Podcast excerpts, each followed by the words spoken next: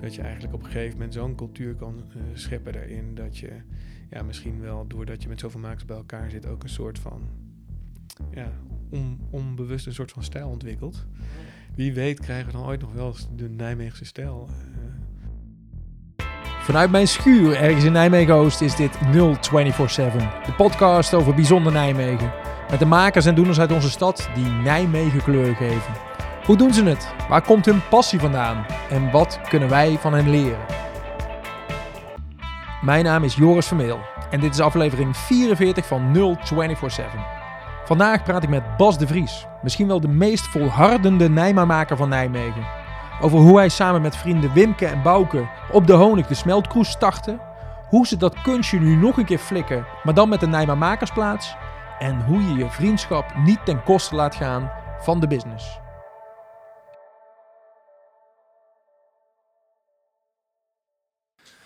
Welkom jongen. Thanks. Waar kom je zo laat vandaan? Om negen uur nog een interview. Dit is mijn laatste ooit hoor. Ja. Ja, weet je, ik uh, wil eerst even proosten met je. Proost. Nee, ik uh, moet altijd even schakelen tussen de verschillende bedrijven. Dus uh, als ik alles overdag heb gegeven, dan ga ik daarna naar huis. Dan ben ik voor mijn kindjes en mijn gezin. En dan liggen die op bed en ga ik zelf ook even slapen. Oh, echt waar? Ja. En hoe laat hebben we het dan over? Hoe laat ga jij nog even slapen? Ja, ergens tussen half acht en... Uh, dan doe jij een, een avond powernapje. Een avond powernapje, ja. Sinds wanneer doe je dat? Fantastisch. nou, volgens mij al uh, zolang het me kan heugen eigenlijk. Dat, dat deed jij vroeger ook al? Ja, dat zorgt er eigenlijk voor dat je uh, vanuit de dagelijksheid s'avonds weer door kan met ja, nog langer en harder werk. maar dat is, ja, bijna noodzaak geboren. Ja, dat wil ik je vragen. Want dat is ooit ontstaan dat je het nodig had. En toen beviel het waarschijnlijk goed. En dan heb je het erin gehouden. Ja, ja maar dat kwam ook omdat... Uh, ja, ik ben ooit uh, architectuuropleiding gaan doen in, in Rotterdam. En uh, ja, dat was een hell of a job wel, vond ik. Dan, want ik, daarvoor heb ik kunstacademie gedaan. En dat was eigenlijk, ja, dat was fantastisch natuurlijk. Dat was gewoon vier, vijf, nou uiteindelijk vijf jaar was dat lang leven de lol en uh, ontdekken wat je hè, wilde leren en doen. Alleen uh, toen was ik daar zo'n beetje mee klaar. En ik weet nog goed dat we, denk een maand voor, uh, voor het einde, hè, voor het afstuderen, kwam iemand een lezing geven. En die zei ik doodleuk van ja, 80% van mensen die hier nu in de zaal zit, die gaat niks met deze studie doen. Want je, wat was de studie die je in de Ja, HKU ik deed 3D-design, dus productvormgeving heette dat toen. En ik wilde eigenlijk naar de Academie van, uh, voor Industriële uh, Vormgeving in Eindhoven. Maar ik was 17 toen ik daarmee begon. Dus daar vonden ze me nog te jong voor. En toen ben ik bij 3D-design terechtgekomen. Wat op zich niet heel erg was, want uiteindelijk is de Academie uh, voor Industriële Vormgeving, dat is later de Design Academy geworden. Die hebben een beetje het schoolprogramma van 3D-design overgenomen. Dus uiteindelijk kwam ik prima terecht. Goeie route.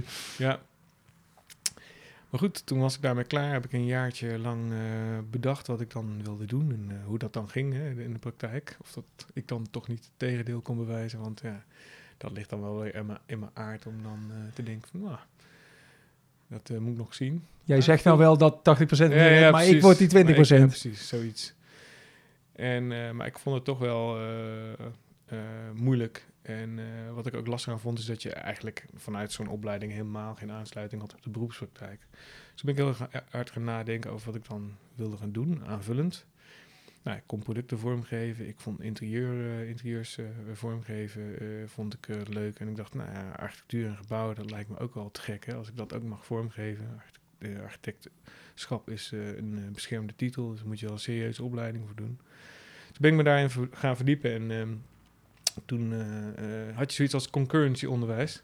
En dat betekende, uh, dat kon eigenlijk niet anders dan dat je dan maximale aansluiting had op je beroepspraktijk ook. Want dan moest je 20 tot 32 uur in de beroepspraktijk werkzaam zijn en ondertussen studeren. En dat, deed, dat kon je dan op de Academie van Bouwkunst doen in Rotterdam of Amsterdam of Tilburg. En dan had je les, maar daarnaast had je waarschijnlijk ook nog opdrachten die je moest doen. Ja, zeker. S'avonds moest je nog opdrachten doen en overdag uh, moest je dan 20 tot 32 uur in de week uh, werkzaam zijn. Dus ik dacht, nou ja, je, je, kan niet beter aan. Je kan nog steeds te gekke, leuke, creatieve job doen. En uh, uh, ondertussen heb je wel hè, uitzicht op een baan. Perfect, klonk goed. Dus dat ben ik gaan doen. Als je dan van de kunstacademie afkomt en je hebt geen eh, goede vooropleiding, want dan heb je dan eigenlijk niet. Want je moet eigenlijk eh, bouwkunde, HTS, eh, Mhm. eh, dat soort dingen eh, gedaan hebben. Dan krijg je een soort spoedcursus in, een- in een jaar eh, op mbo-niveau bouwkunde, zeg maar. En als je dat hebt gehaald, dan eh, mag, Mag je, door. mag je door. Dus dat was al vrij pittig. En toen eh, is dat gelukt. Ja, toen was daarmee klaar. Dacht, nou, ze zullen op die school wel een soort vacaturebank hebben of zo, weet je wel. Eh, Architectenbureaus erover die dan eh, stagiairs ontvangen of zo. Of in ieder geval, je moest eigenlijk zelfs werken. Maar dat was helemaal niet waar. dus ze hadden helemaal geen vacaturebank. Je moest gewoon eigenlijk zorgen dat je in het werkveld werkzaam werd, ondanks je, het feit dat je geen ervaring had. Dus nou, daar heb ik toen over nagedacht en dacht van ja, shit, eh, ik weet ook niet eh, hoe ik dat moet gaan doen. Maar ik dacht wel van, oh ja, het is 20 tot 32 uur in de week. Dus als je eh, nou vier jaar lang studeert en je studeert vier jaar lang en je hebt 20 uur per week dat je werkt, dan ja, dan kom je er. Maar als je nog geen werk hebt en je studeert eh, eh, zeg maar vier jaar lang je hebt maar drie eh, jaar lang werk en je doet dan 32 uur in de week, dan kom je er ook. Dus ik dacht van, nou weet je wat, ik begin gewoon. En toen ben ik begonnen met die opleiding en toen heb ik mijn eerste ateliers gedaan, zoals het dat dan heette. En, Zo, sorry, eerste wat? mijn eerste atelier, Atelier. ja, dan heb je gewoon een, een, fictieve opdracht die je met een aantal vakdocenten gaat doen. Ja. En zo kom je eigenlijk, zo begin je met die opleiding. En nou, het eerste atelier slaagde eigenlijk best goed. Eh, met als gevolg dat uiteindelijk eh, die twee docenten, eh, die, eh, die kenden een architect die ook mensen zocht. Dus toen ben ik met mijn kunstacademie portfoliootje daar naartoe gegaan met trillende, met knikkende knietjes. En toen werd me ook echt wel het vuur aan de schenen gelegd, moet ik zeggen. Want je was begin 20, denk ik ongeveer. Ja, hoe oud was ik toen? Pff, nou, toen was ik al wel, ik denk, 25, 26. maar wel knikkende knietjes, omdat je eigenlijk nog geen poot in de modder had. En dacht, Precies, ja. Ik had nul ervaring. En Ja. dacht van, ja, waarom zouden ze mij met mijn portfolio... Ik bedoel, ik heb op zich wel hè, conceptuele denkwijze... en ik heb wel een leuk portfolio, dus ik kan wel dingen bedenken... maar ik ben nog natuurlijk totaal niet bedreven in architectuur. En eh, ja, naast mij in de opleiding zat bij wijze van spreken een jongen... die had, wel- had gewoon HTS-bouwkunde gehad. eh, die was volledig... hè, die, die kende al die architectuurprogramma's al... En ik kende dat niet, dus ja, ik voelde me toch wel echt achterstaan in. Maar goed, lang verhaal kort. eh, ik heb die job gekregen En je moest Zo. aan de bak. en ik moest aan de bak. En dat ben ik toen gaan doen. En eh, toen had ik dus wel wat achterstand op, eh, op mijn studie. Maar goed, toen moest ik dus 32 uur in de week eh, zo'n beetje gaan werken. En dan s'avonds nog studeren. dus ja, dan moet je jezelf een beetje gaan conditioneren om dat allemaal te halen. Dus toen dacht jij s'avonds om een uur of half acht, ik ga even slapen, om daarna weer door te gaan. Precies. En zo zag je avond er dan ook uit. Daarna ging je dan ook nog eens door. Ja, en ook wel nachten doorhalen en zo. Dus het was niet echt... eh, ja, was niet heel... Dat zou ik nu niet meer willen doen, op die manier. Nee, maar dat eh, uurtje slaap, dat heb je er, is het een uurtje slaap wat je nou eh, dan tegenwoordig doet? Je legt je kinderen op, hoe oud zijn je kinderen? 7 en 4. Nou, 7 4, die gaan zo rond half acht naar bed, eh Ja. 7 uur, half acht. Ja, ja. En dan ga je, duik jij er ook nog even in. Ja, vaak wel, ja. En dan, Wauw. eh, en dan ga ik of eh, daarna, eh, als ik... Nou ja, meestal ga ik daarna nog wel werken de laatste tijd. Ja, Maar op- dat heeft een beetje te maken met eh, wat we, het project wat we nu weer zijn aangevangen. Precies, want even de eerste vraag die ik normaal altijd stel is... eh, hey Bas de Vries, hoe zou jij jezelf aan de rest van de wereld introduceren... voor de mensen die jou nog niet kennen? En dan zeg jij, ik ben Bas de Vries... Eén van de drie. een van de drie van de ex-Smeltcruise... maar tegenwoordig sinds 1 januari 2022 van de Nijma Makersplaats. Ja, klopt ja. Hallo Bas de Vries. Aangenaam. Eén van de drie. Wie zijn de andere drie? Ja, ik kan het ook De wel andere gewoon twee zijn Oh, sorry. Bouke Smit, meubelmaker van origine, en eh, Wimke van de Heuvel, productvormgever, uitvinder noemen we hem ook wel. eh, eh, van En met, z'n- met z'n drieën. En waar heeft ook eh, 3D-design gedaan trouwens, Ah, toen ik al lang klaar was. En eh cum laude afgestudeerd ook, dus eh, echt eh, toffe projecten gedaan ook. En eh, ja, wij zijn eigenlijk van oudsher eh skatebuddies. uit, uit Beneden Leeuwen las ik ergens. Ja. En, en skatebuddies, dat betekent dat je elkaar gewoon... Ik ben helaas, als mijn leven opnieuw zou doen, zou ik trouwens skater worden. Ah, oké. Dus eh, dat probeer ik nou aan mijn kinderen door te geven, wat trouwens niet lukt. Maar eh, dat betekent dat je elkaar op de skatebaan hebt ontmoet voor de eerste keer? Of ken je elkaar Ja. van school? Ik weet niet meer precies hoe het is gegaan, maar je had eh, in Benelio had je een rolschaatsbaantje naast de tennisvereniging. En ja, daar kwamen we als jeugd een beetje bij elkaar. En ik en Wimke deden aan skateboarden. Bouke was er wat minder eh, van, maar die eh, deed aan BMX'en. En, eh, en niks eh, met ons. Dus uiteindelijk ja, zijn we daar een beetje vrienden geworden. rondhangen op dat skatebaantje en gekke dingen doen. En dat is eigenlijk altijd wel een soort van aangebleven. En wat daaruit voort is gekomen is dat we altijd met elkaar op snowboardvakantie gingen. Ah, ja. Vanaf, nou ik geloof eh, 2000 of nog eerder zelfs, ergens. En eh, op die manier zijn we altijd met elkaar in contact gebleven. En op een gegeven moment resulteerde dat in eh, dat we dachten van... hé, maar we willen naast wat we aan professie doen... willen we ook eh, ja, gewoon met elkaar leuke dingen doen. En de gemeenschappelijkheid die we hadden is gewoon dat we het leuk vinden om dingen te maken. Ieder Wat? vanuit hun eigen merites. En dat zijn we eigenlijk met studie in de maak gaan doen. Want, En- want na jouw eh architectuuravontuur, eh, je hebt de opleiding gehaald. Nou ja, ik woonde toen gewoon in Rotterdam en ik Precies. werkte bij dat architectenbureau. Ik heb er ongeveer negen jaar gewerkt. En ehm, ja, mijn baas die deed toen op vrijdag ook altijd al dingen voor zichzelf. Die, die maakte ook eh, stoelen en dergelijke. En eh, ik ben op die, ben die vrijdagen ben ik toen ook eh, vrij gaan nemen. En toen ben ik op vrijdagen met uh, en Wimke af gaan spreken om eh, leuke dingen met hun te maken. En een van de eerste opdrachten was echt grappig. Eh, Wimke die had een, een afstudeermaatje die organiseerde feesten in Amsterdam, Festival de Zon. En die vroeg of dat wij iets met het thema zon konden bedenken. En dat ging gewoon heel omslachtig met strandstoelen en zonnebank dingen die daarop gemonteerd zouden kunnen worden. Naar uiteindelijk een mega grote, uitvergrote strandstoel die dan ook nog eens echt extreem uitgetrokken was in de breedte. En daardoor een hele gekke eh, proportionele afmeting kreeg. Dat zou een installatie worden. Dat ja, Is een ja, die installatie hebben we ook gemaakt. Ja. Ja. die hebben we ook gemaakt. Eigenlijk als gelegenheidsding voor dat festival. Maar nu hebben we er eh, twee of drie, geloof ik. Twee. Twee die we echt verhuren. En we wilden toen een derde maken, maar toen kwam corona. Maar dat, nou ja, dat begint nu weer eh, echt eh, te komen. Dus dat doen we er ook nog even naast. Maar wacht even, dat is, dat is een opdracht. Die heb je dus helemaal in de beginfase gedaan. dat ja. is echt meer dan tien jaar geleden. Je Ja. eerst, jij zegt, we kregen een opdracht. Hoe krijg je je eerste opdracht? Hoe, hoe ja, dat zoiets? was een studiegenootje van Wim. Maar hoe weet hij dat hij bij jullie die vraag moet neerleggen? Ja, omdat eh, ja, die heeft met Wimke op die, op die opleiding gezeten. En die dacht van, nou, dat, dat is misschien wel iets voor, voor Wimke en zijn maat. Ja, heeft het een beetje bij ons neergelegd ook. En eh, toen zijn we daarmee aan de slag gegaan. En, eh, Dat beviel. Kwam, ja, daaruit kwam dit ding voort. En eh, echt een mega succes ook. Dus nou ja, toen, toen kwamen we er ook al achter dat je dus eigenlijk vanuit... En het leuke van, van die stoel is, daar zit eigenlijk meteen alles in... wat wij aan elkaar toe te voegen hebben. Leg eens Dus namelijk, nou, Bouke die weet heel goed hoe je zo'n stoel moet maken vanuit zijn meubelmakerschap. Wimke is heel goed in de productvormgeving en, eh, en eh, de details van hoe zo'n stoel eruit moet zien. En ik ben met mijn architectuuropleiding wel in staat om na te denken over hoe je nou dat ding ook een beetje constructief eh, stijf krijgt.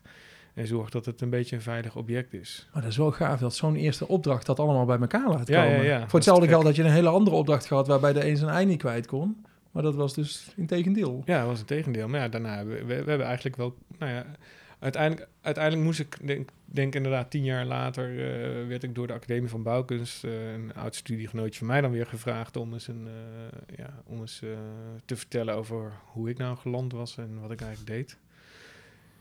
Toen zei ik, ja, jongens, dan moeten we wel even die website van Studie maken. Eh, even een beetje eh, op orde krijgen, want anders weet ik niet zo goed hoe ik moet vertellen. En ik was bang dat we eigenlijk te weinig projecten, maar er staan iets van 25 projecten op. Alleen dat gaat echt alle kanten op, van echt stadsbrede projecten met ontwikkeling op, eh, met, met ontwikkeling als de Smeltkoes, als eh, Rebel Spaces was destijds een, eh, een, een, een verhaal, eh, ontwikkeling op een, een nieuw idee voor de, voor de, voor, voor de Honig, Nijmegen Makersplaats, maar dat zijn eh, meer de stadsprojecten, maar dat kan ook gaan over een cafétafeltje wat we hebben ontworpen en daar hebben we ook mee op de Dutch Design Week gestaan. Ja, weet je, Tafel zonder schroeven zag ik Ja, en lijm. Ja, Ja, tafelknoop inderdaad. En eh, het leuke is dat we, ja, we werken aan al die producten eh, en projecten samen. En proberen daar samen eh, ja, onze kwaliteiten in, in, in kwijt te kunnen. Zo hebben we ook bijvoorbeeld een, een, keer een, een object ontworpen voor de Radboud Universiteit in de tuin. Het is gewoon eigenlijk een, een, een, een soort van uitgetrokken Radboud logo met allerlei, waardoor eigenlijk doordat je verschillende hoogtes in dat logo krijgt, een andere diepte, een, een underscore of een, een subtitel was toen eh, Change Perspectives. Mhm. En daar hebben we mee gespeeld en daardoor, daardoor had je allerlei nieuwe functionaliteiten aan dat object. Een soort van katheder en een eh, tribunetje. En Eh, nou, zo gingen we een beetje mee aan de slag. En ja, dan kom je eigenlijk ook weer achter hoe je dat kan optuigen met een ieders kwaliteit. Eh. En dan dat niet alleen, omdat op dat moment zaten we natuurlijk al in de smeltkoers. En dan zie je ook andere makers dingen maken. En hoe zij dat doen en wat voor technieken er mogelijk zijn. En eh, daar hebben we ook eh, goed naar gekeken en van geleerd. Maar je, maar je, zet nou, je zet nou een hele hoop stappen al volgens mij. Want het begon ermee dat je op vrijdag dingen ging maken Oh, met ja. Bouke en Wimke. Ja. Uiteindelijk ben je weggegaan bij die... ben je geen architect meer geworden, Nee. maar ben je voor Studio Ja. In de maak gegaan. Ja, dat was eh, rond 2014 ongeveer. En eh, dat was wel echt een hele lelijke tijd in de bouw, vond ik. Dat was lelijk, hè? Nou, omdat je merkte eigenlijk toen al dat er een soort van eh, crisis heerste in de, in de bouwsector. En dat was eigenlijk ook tegelijkertijd onze kans op de honig, maar daar kom ik dan zo wel op. Precies, want als architectuur, als architect ma- maak je gebouwen, bedenk je gebouwen, te- teken je gebouwen. Dat- was hoe je werk eruit Ja, zag. ja, ik deed echt projecten van A tot en met Z. En nou ja, wat me aan de architectuur een beetje tegenviel wel, is, is dat de mate eh, waarin je regelwerk doet. En eigenlijk ook wel, eh, nou ja ik, ik, ik noem het soort van in conflict komt. Eh, dat het groter was dan ik eigenlijk wenste. En je zat er ook langere periode aan vast dan ik eh, had gehoopt. Eh, dus je hebt altijd te maken met de opdrachtgevers en met aannemers en met eventueel projectontwikkelaars, Alle- gemeenten. Je bent potentiële de hele conflicten. tijd, nou, je bent de hele tijd problemen aan het oplossen Ja. en aan het kijken hoe je weer een stapje verder komt. En eh, dat vond ik niet altijd even leuk. Want ik had natuurlijk een soort utopisch beeld dat je alleen maar aan het ontwerpen was. En dat, eh, dat je daar helemaal je ei in kwijt kon. Dus in die zin vind ik het niet heel erg dat ik, eh, dat ik niet alleen nog maar architectuur bedrijf. En dat was ook eigenlijk nooit echt helemaal mijn doel. Hoor. Want nadat ik 3D-design had gedaan en architectuur had gestudeerd, dacht ik van nou, nou, nu ben ik zo breed gespecialiseerd. Omdat ik en productvormgeving en interieur en eh, architectuur kon doen. Dus eh, ik dacht van nou, daar kan ik echt alle kanten op. Wat ook echt zo is, want wat ik nu doe, daarin kan ik alles wat ik heb geleerd echt eh, maximaal kwijt. Maar wat niet gebeurde op dat architectenbureau natuurlijk, waar je eigenlijk maar één focus had. Eh, ja, Wanneer Kijk. besloot je van, eh, dit is het niet, ik ga een volgende stap zetten met Bouke en Wimke? Ehm, ja, dat was eigenlijk wel hè, een beetje. eh, toen die crisis behoorlijk volledig werd, eh, daar was. Toen eh, mocht ik als. als nou, ik, volgens mij waren ze best tevreden over me, dus ik mocht nog wel blijven. Maar er, waren wel collega's die al, al weggingen. Dus het was al niet echt een hele prettige sfeer daardoor. Hmm. En dan zie je dat steeds meer projecten op de plank blijven liggen die niet doorgaan, onzekere tijden afwachten. Ja, en dan kom je, in een, eh, in een, eh, dan kom je op een eh, kantelpunt waarbij je of deel gaat nemen aan het bedrijf, dus hè, in het Ja. bedrijf stapt, of bedenkt van ja, maar is dit nou wat ik wil? En is dit de energie die ik wil omarmen? En ondertussen ben ik hele leuke dingen met mijn beste maat aan het doen. en dat vind ik toch eigenlijk ook wel erg leuk. En dan ontstaat daar een kans. En ik weet nog goed dat Bouke en Wim eigenlijk daarmee bezig waren. En ook wel een beetje mee worstelden. Omdat ze ook niet precies wisten van nou, wat... We willen hier iets mee. Zij woonden toen ook, eh, of nou, met name Bouke, die woonde nog in Nijmegen. Wimke woonde in het beeld, maar die wilde geloof ik al terug. Die werkte bij uh, Kolfbach. En, eh, oh ja, Wimke is ook nog automonteur trouwens Oh ja. bij de Jaguar garage. En eh, ja, ik zag er daarmee terug. Ik zeg van, nou, ik wil best even een keertje meekijken en eh, kijken hoe we, eh, ja, hoe je dat aan moet, eh, moet vangen. Dus zijn we met z'n drieën naar gaan kijken. En wat we in aanvang wilden op, eh, op de Honig was eh, eigenlijk gewoon een werkplaats voor ons en nog wat andere. Eh 400 vierkante meter eh formaatzagen en wat andere eh, app- eh, apparaten, machines. En, eh, en gewoon een beetje ons ding doen. Alleen ja, toen kwamen we daar en had een kwartiermaker vanuit de gemeente was er aangetrokken uit Amsterdam. En die eh, zei, ja, leuk jongens, 400 vierkante meter, maar we hebben hier 30.000 vierkante meter gebouwd te vullen. Is klein bier, Als we 400 meter. iedereen, eh, iedereen eh, die zo kleinschalig aan de gang wil, je moeten faciliteren. Dan moeten we overal elektriciteitsmeters achter zetten enzovoort, enzovoort. Ja, dat gaat hem gewoon niet worden. Dus die zei min of meer, kom maar terug als je een echt plan hebt.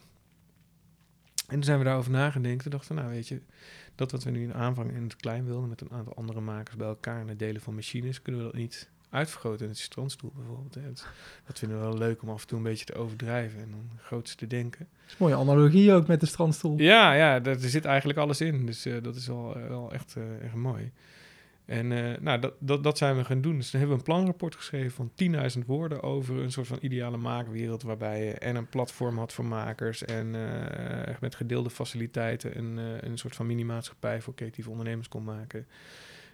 Waar we dan zelf ook stiekem van deel van uit konden maken. Alles om ervoor te zorgen dat jullie maar je 400 vierkante meter zouden hebben. En Ja, zoiets, 3600 ja, ja. eh, Een beetje meter. overdreven. Ja. En toen echt in een goed plan gevat. En toen, eh, ja, toen kwamen we terug en eh, toen waren ze eigenlijk wel eh, geneigd om ons serieus te nemen erin. Was je toen al weg bij de architectbureau? Nee, nee, nee. Het speelde dat allemaal ernaast. dat- Daar, ja, precies. Daar, daar zat ik nog wel met, eh, met één been in. Nee, dat zat ik eigenlijk nog wel volledig in. Ja, toen dat steeds concreter werd, Oh. dacht ik van nou, let's go, weet je wel. En, Laat het maar gebeuren. Ik heb toen niet geaarzeld ook. Dus ik heb gewoon eh stoute schoenen aangetrokken. Ik heb mijn baan opgezegd en ben dat gaan doen. Zonder vangnet of zo. Dus dat was wel ja, een dappere keus. was de eerste keer ook dat je in Nijmegen ging wonen dan, denk ik, of niet? Of woonde je in het begin nog in Amsterdam? Nee, ik woonde eh, in Rotterdam. Koophuis ook. eh, dus ik was helemaal gezetteld daar. Ja. Alleen ja, wij, wij eh, mijn vriendin die, die trok ook op een gegeven moment in. En toen hebben we kindjes gemaakt. En onze familie die woonde wel hier in de buurt. Omdat ik vroeger natuurlijk al in beneden Leeuwen en in Kuik heb ik nog gewoond. En nog een aantal plekken in de buurt waarvan ik niet meer precies weet waar. We zijn een aantal keer verhuisd. Ehm, en eh, dus altijd wel eh, in de buurt van Nijmegen gewoond. Dus ik kende Nijmegen wel goed. Dus, eh, maar goed, wel de eerste keer dat ik in Nijmegen ging wonen. Ja. ja. 2014, het plan wordt een stempel opgezet. Ga het Ja. maar doen. En, en, en dan? Want dan gaat het ook om een hoop geld, kan ik me zo voorstellen. Want je kreeg een kale ruimte opgeleverd? Of wat ja, we kregen een lege fabriekshal inderdaad. en, maar goed, daar kwam eigenlijk die, alles wat ik geleerd had wel weer goed Ja. van pas. Want eh, ik werkte bijvoorbeeld aan een kantoorpand in Woerden. En eh, daar, wat men daar deed als makelaar zijn, eh, dan zorgden ze dat een bedrijf waar ze interesse in hadden, dat ze daar een incentive mee afspraken. En dat betekent eigenlijk zoveel dat van nou weet je, dan, dan zeg je van nou, jij zit nu in dit pand, het is een beetje verouderd, het is niet helemaal wat je wil, maar als je nou willen groeien, en, eh, dan heb ik een fantastische locatie voor jullie. We kunnen helemaal voorzien van een nieuw interieur, eh, ingericht en wel. Ehm, eh, dat kunnen wij voor je doen en dat betaal je dan terug met je huurprijs. Dus dat, heet dan een incentive. En zo kan, kan een, eh, een, een ontwikkelaar of een vastgoedeigenaar die geld heeft, die kan dat eh, op die manier eh, kan die een nieuwe klant naar zijn pand eh, lokken. Maar wacht even, er- komt een nieuwe huurder in, die betaalt geld. En met dat geld ga je Nee, die dat- huurder, die huurder die heeft bijvoorbeeld geen cash eh, flow genoeg om een nieuw interieur eh, te betalen. Dat betaalt dan eigenlijk de vastgoedeigenaar. En dat betaalt die nieuwe huurder met de huurbetaling terug. Ja, ja, ja, ja, op afkoop, eh, zeg maar. Ja. Nou ja, gewoon gaandeweg. Dus Ja. dan krijg je gewoon een langdurig huurcontract en dan betaal je dat stukje bij beetje terug. ja. Dus ik dacht, van, nou, dat is eigenlijk wel interessant, want dat betekent dat wij even misschien wel met het ontwikkelbedrijf Waalvond van eh, het ontwikkelbedrijf was eh, de Honig, 50% gemeente, 50% eh, eh, BPD, Rabo Vastgoed. Van, nou, ik zeg, toen zeiden we tegen hem, kunnen we met jullie geen incentive afspreken? Ja, dus eh, dan geef je ons eh, een bepaald aantal duizenden euro's en eh, daarmee kunnen wij dan naar de bank. En dan kunnen we zeggen van kijk, het ontwikkelbedrijf staat ook achter ons. En ondertussen hadden we ook bedacht, hè, crowdfunding kwam toen eigenlijk een beetje op. En dan doen we ons derde leningdeel doen we met crowdfunding proberen we binnen te halen. Zodat we eigenlijk ook een groep investeerders achter ons hebben staan die geloven in de goede zaken of wat we aan het doen zijn. En daarmee proberen we, hè, dus met, eh, met eh, de, het bankaire eh, gedeelte en de incentive hebben we eigenlijk de plek opgebouwd. En met de crowdfunding hebben we de plek ingericht. Ja, Nou, en goed idee. dat Dat, is gelukt. werkte dus ook gewoon zoals je het bedacht. Ja, en wij, omdat we het allemaal zelf hebben gedaan, kon het ook voor een fractie van de prijs. Eh, waarvan je, waarvoor je het normaal moest doen met aannemers enzovoort. Je hebt de verbouwing zelf gedaan. Ja, we hebben de verbouwing eigenlijk grotendeels zelf gedaan. Maar dat was toen nog best behapbaar. In zoverre dat het allemaal alleen maar eh, ja, binnenschil was. Hè, dus afbouw. Alleen ja, ik kan me echt de dag van of, eh, dag als gisteren nog herinneren dat er vrachtwagens met pallets, gips en, en hout binnenkwamen. En dat we eigenlijk niet zo heel goed wisten hoe we dat moesten lossen, omdat we geen heftruck hadden die dat aankon. Dus toen, za- toen zat daar nog de slachterij. Ja. Dus toen hebben we bij de slachterij iemand opgetrommeld met een heftruck.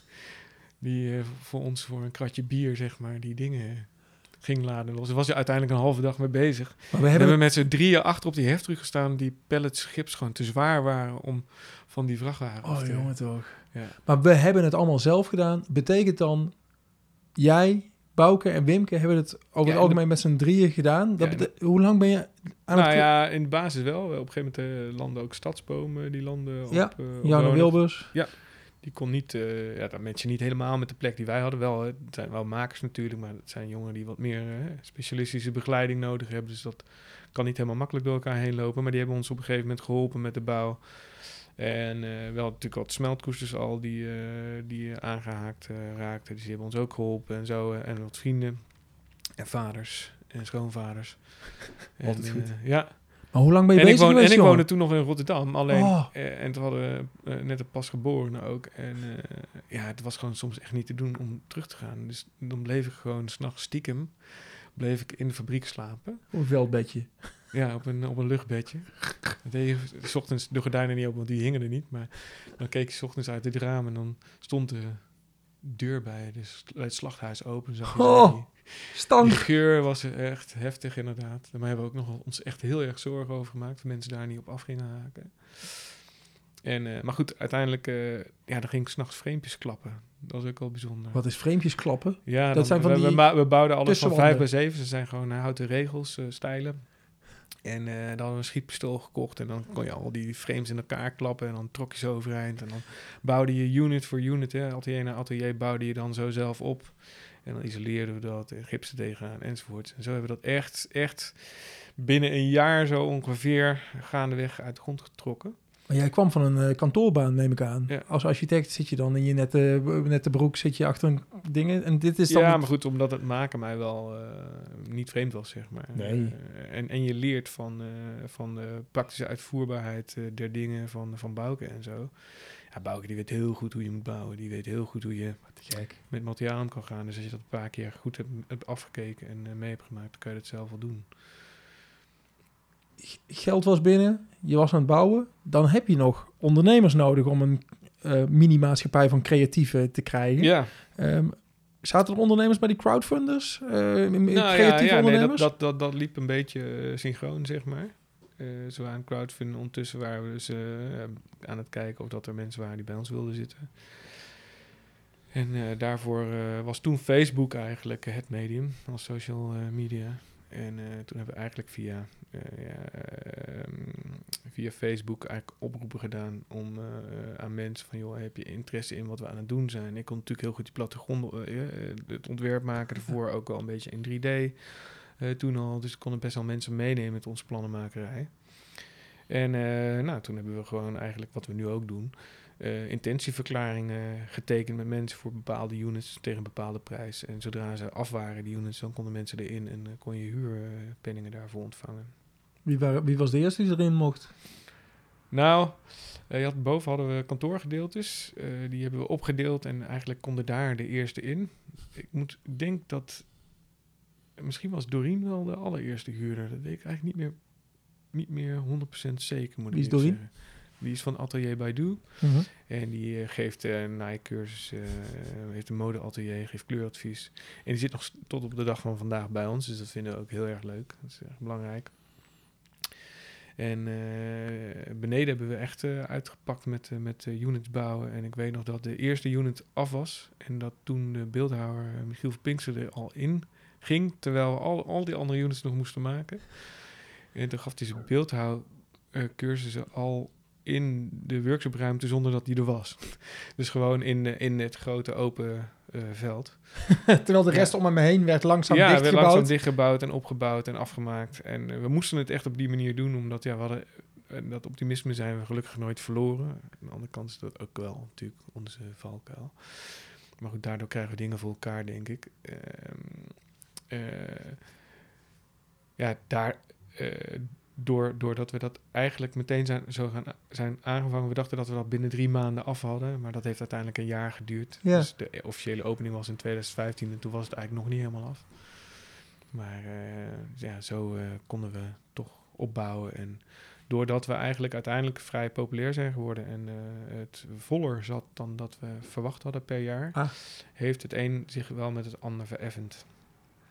Ja, dus daar kwam je financieel toch eh, voldoende uit. Toen je in 2014 begon, wist je al dat Honig een tijdelijk complex zou Ja, zijn. acht tot tien jaar. Werd, eh, dat werd toen gezegd, 8 tot 10 jaar. Ja. Eerst, in eerste instantie wilde het uh, honingcomplex ter beschikking stellen voor zes jaar. En toen bleek dat eigenlijk helemaal niemand interesse had. Want in zes jaar tijd, eh, alles wat je erin moet stoppen, ook nog weer eruit te halen. Qua verdiensten, verdienen. Ja. dat gaat gewoon helemaal niet. En eh, ja, dat, dat, was ook, dat vond ik ook altijd wel moeilijk hoor. Want eh, ja, wij zaten echt niet, eh, we hoefden echt niet heel veel huur te betalen hè, per vierkante meter, om het zo maar te zeggen. Maar we hebben wel heel veel geld geïnvesteerd om de boel uit de grond te trekken en het werkbaar te maken. Ja, dan moet je in die korte tijd terugverdienen. Dus uiteindelijk zit je daar helemaal niet zo, zo gunstig. Ook al lijkt dat zo. Maar aan de andere kant betekent dat wel dat je een enorme kans krijgt om dit te doen. Om je te bewijzen, om eh, in dat pionierschap, zeg maar, eh, je ondernemerschap ook te ontwikkelen. Die kans had je anders niet gehad, want dan was het, veel was het veel duurder geworden. Precies. Ja. Ja. dan had je meteen met eh, volwassen huren moeten beginnen. En ja, goed, omdat we wel op de juiste manier die financiën wisten te regelen, is dat dan toch gelukt. Maar, ja, ik vind het nog steeds heel dapper dat, dat de kwartiermaker die er toen zat, Arie Willem Bijl is dat, dat hij toen eh, het lef had om eh, niet de gebaande paden te bewandelen. En wat was een gebaand pad geweest voor hem dan bijvoorbeeld? Nou ja, er zijn natuurlijk allerlei eh, organisaties waren al in de stad die zo eh, aan leegstandsbeheer hadden kunnen doen. ja, ja, Of, met z'n allen van één partij. ja, Gewoon, ja, dat zijn gewoon geregeld, ingeregelde systemen. Die hebben een hele database, een netwerk. Is als veel makkelijker geweest eigenlijk. Maar wat hij heel goed had ingeschat is dat het niet ging over het creëren van een broedplaats of leegstandsbeheer. Ook al ging het daar in aanvang wel om. Eh, want als je die fabriek leeg liet staan, dan kostte dat gewoon, eh, nou, ik geloof, eh, drie of zes ton per jaar ergens. Ik geloof drie ton of zo.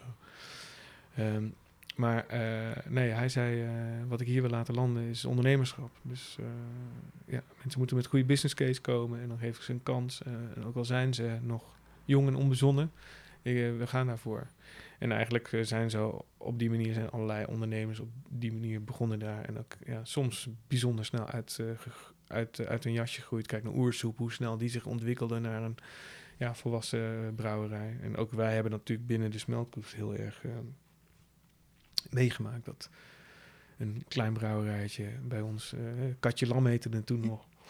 Die startte bij, met bij Ja, dat is toch? Eh, Dat heet nu Nevel, ja. Dat is ook echt gigantisch eh, gegroeid. Toen al van, eh, toen ging het al geloof ik eh 30 keer groter vanaf de plek die ze bij ons hadden naar een zelfstandige plek op de Honig. Precies. Nou, dat is bizar. Dat soort dingen kan je alleen maar op dat soort plekken veroorzaken. Dus dat laat zien, ja, hoe belangrijk dat soort plekken ook zijn voor een stad. Dat er mensen zijn met toffe ideeën, dat er dat ideeën tot wasdom kunnen komen en dat ze dan opeens ook zo ja, uit de kluiten kunnen groeien en eh, een volwassen bedrijf worden. En daarmee ja, eh, echt een fantastische toegevoegde meerwaarde vertonen voor eh, ja, Nijmegen stadskapitaal eigenlijk. Maar dat lijkt me precies nou wel het spannende wat er nu staat te gebeuren. Hè? Want eh 2014, 2022, smeltkroes Honig.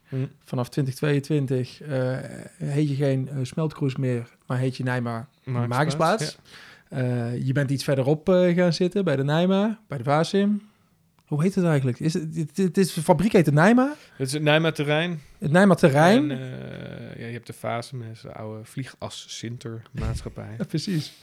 Eh, dat hoorde vroeger ook bij de kunstzijdenspinnerij overigens. Wat de Nijma was, hè? Wat de spinnerij. Ja, precies. Eh, en dat is later door die vliegas Sinter maatschappij overgenomen. Het, althans het Fasum gedeelte.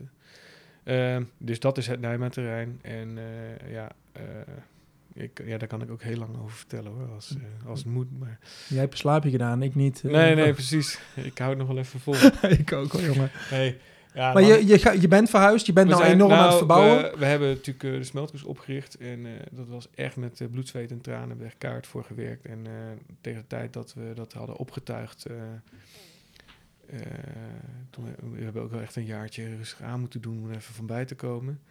En toen we daarmee klaar waren, toen eh, ehm, ja, deed zich de toekomst eigenlijk alweer aan. Dus toen vonden de eerste debatten plaats over of dat de honing niet behouden moest blijven. En het was zo'n succes. ja, dat was een succes. En in eh, november 2016, Dus zat je er eh, 2,5 jaar of zo. eh, precies, toen kwam de gemeente met een gebiedsvisie voor, voor het Nijmeterrein.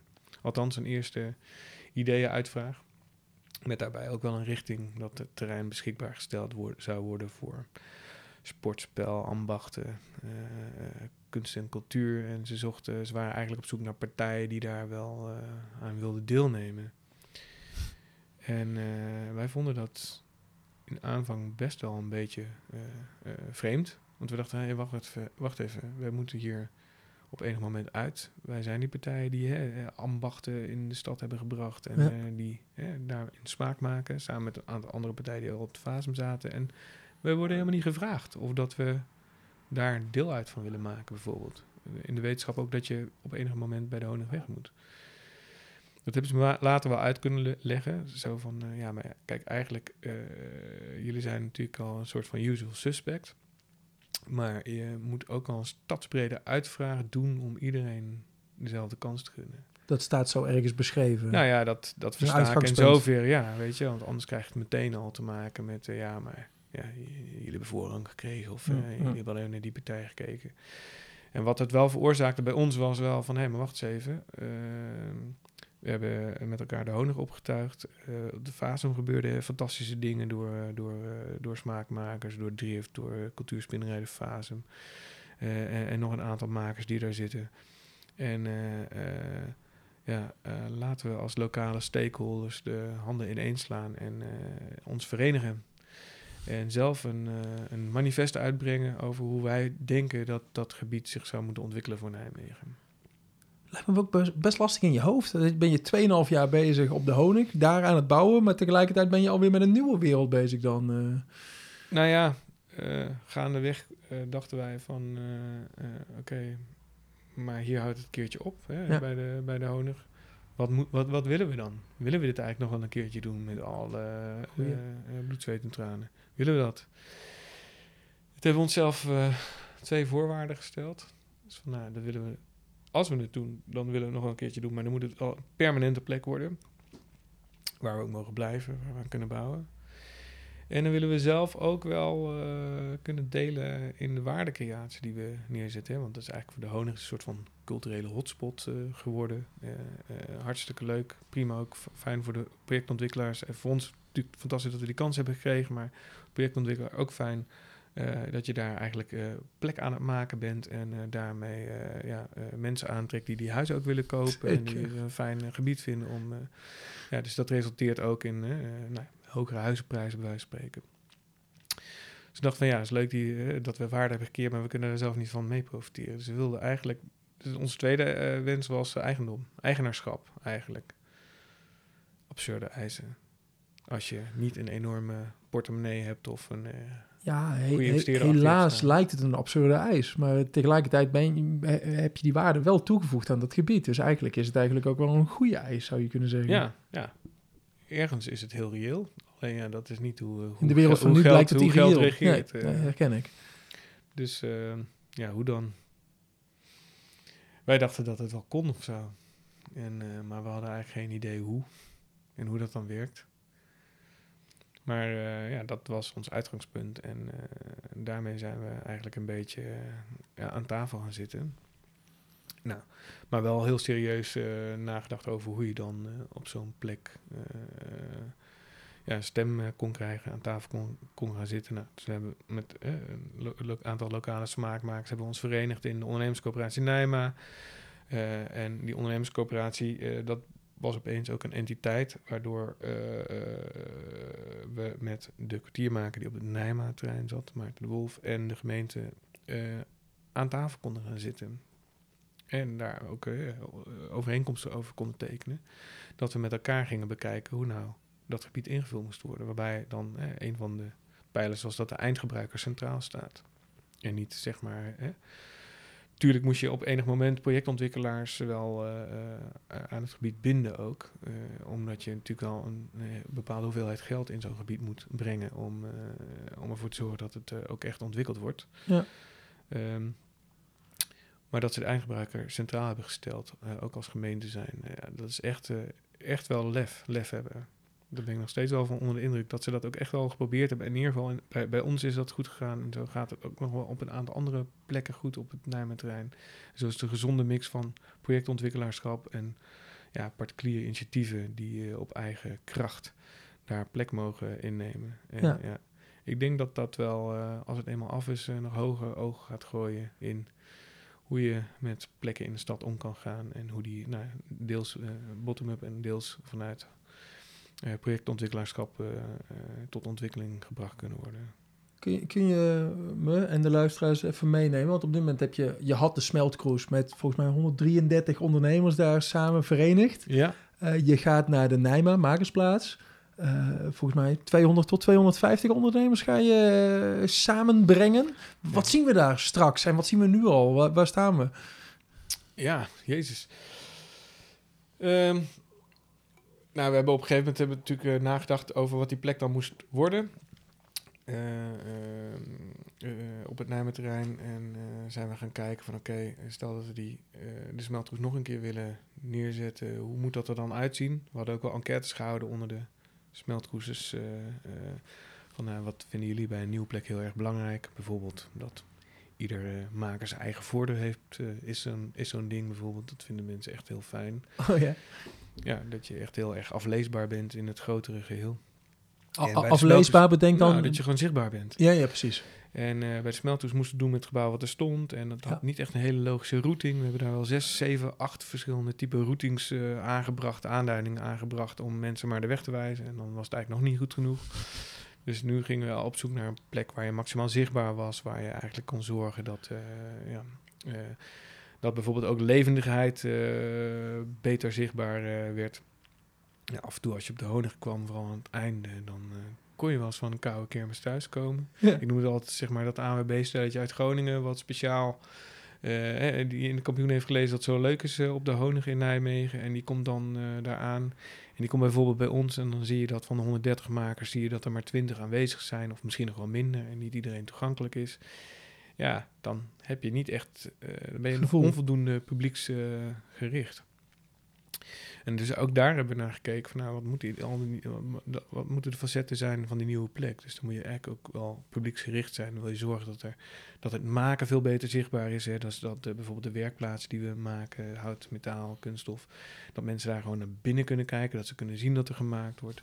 Eh, dat je een expo-ruimte hebt, dat je een, eh, een eh, soort van Nijma concept store hebt, echt een winkeltje waar je al die producten kan kopen die die makers maken.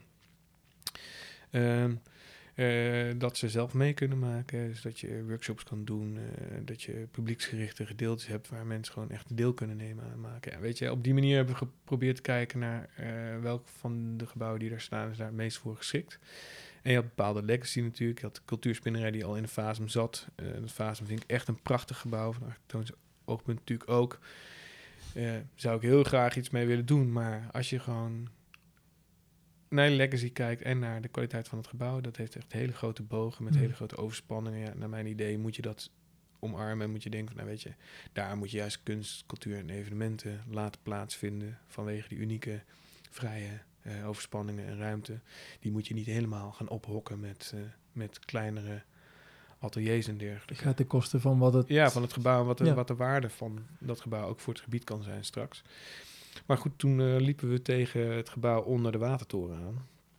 De watertoren zijn die grote torens waar Nijma op staat. nee, de watertoren is de toren die eigenlijk aan de andere kant van de dijk ligt. Oké. Waar heel groot Nijma op staat. Ehm, en daaronder zit een gebouw wat gigantisch is ook. Ook echt in erbarmelijke staat. Ja. Een industriële ruïne. Daar zijn we ook wel gaandeweg steeds meer achtergekomen.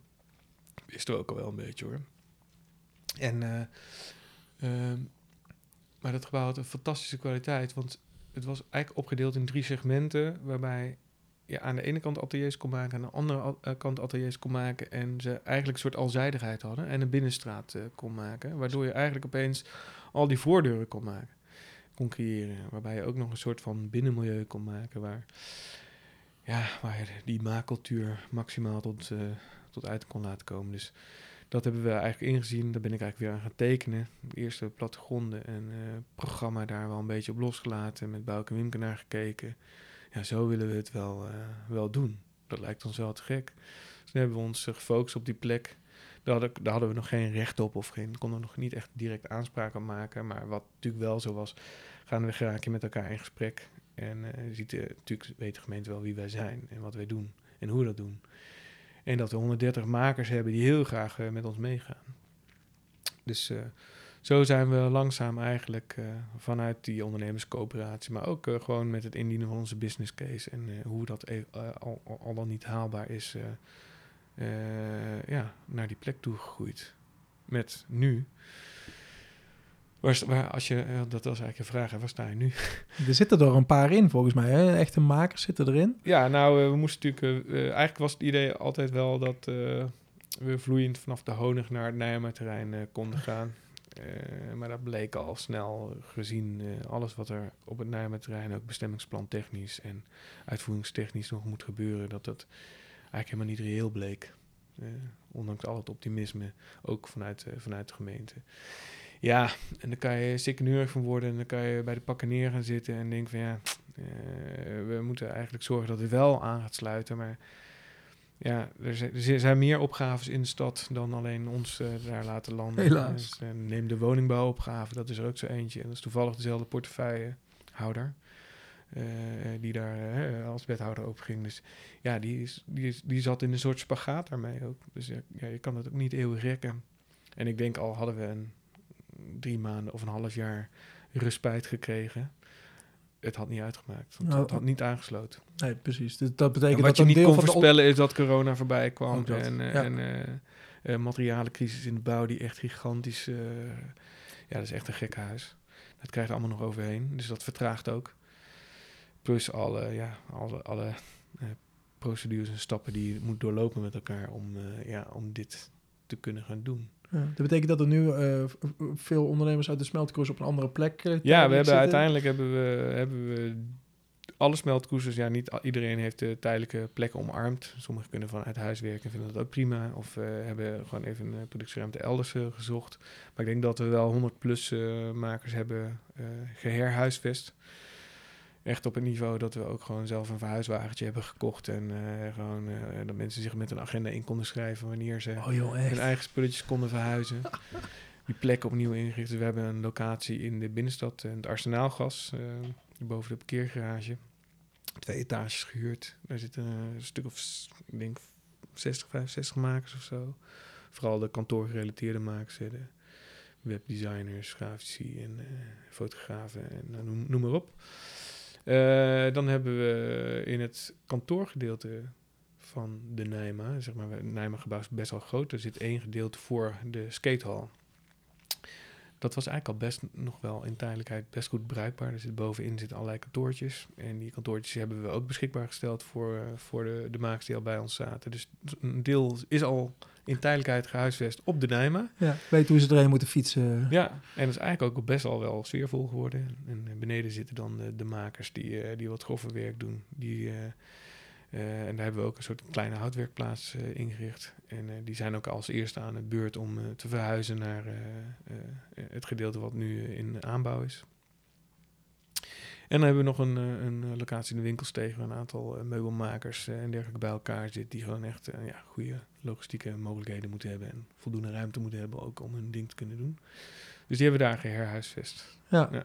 Is een deel is over, een deel nog niet. Wat, wat, eh, ik las ergens najaar 2022 moeten het allemaal over zijn. Klopt nee, nog? ja, nee. Dus Nee, ou- oud nieuws. We hebben het project, omdat het zo groot is, hè, we gaan dus eh, van 130 naar 250 Precies. plusmakers. eh van eh 4000 vierkante meter naar 11.000 vierkante meter. Dat is niet om vanwege de grootheidswaanzin, maar gewoon als je zo'n plan eh, ja, financieel haalbaar wil maken, dan heb je ook een bepaald volume nodig dat eh, ja, eh, uit te kunnen voeren. Eh, dus, dat heeft een, dus dat heeft die vergrotingswens. maar ook omdat we een nog inclusievere plek wilden maken. We noemen dat een beetje de kunstacademie voor ondernemers. Ja, wat versta je daaronder? Want dat las ik een paar keer terug. Nou, wat ik zelf wat te gek vond aan de kunstacademie is dat je gewoon eigenlijk eh, van de ene discipline, vooral in je propeduitse jaar, kon je gewoon eh, kon je gaan. ehm, Hoppen. kon je naar de keramiekwerkplaats, kon je naar de doka of naar fotografie of naar autonome kunst. Al die werk, zeefdrukken. Kon je overal terecht en overal waren clusters rondom ja, die, die afdelingen en opleidingen. Dus eh, wat nou als je zoveel makers bij elkaar kan plaatsen en ook een beetje die makers in aanvang clustert rondom professies of rondom grof of fijn handwerk. En je kan met eh, deelgebruik van machines eh, ja, dat soort afdelingen maken. En je kan dus eigenlijk met je, in, je, in je makersgeest bedenken van... oké, maar ik wil een keer een uitstapje maken naar meer grafische kant. Dat je daar dan gewoon ook terecht kan. En dat je dat op die plek waar je al maakt, dat gewoon kan doen.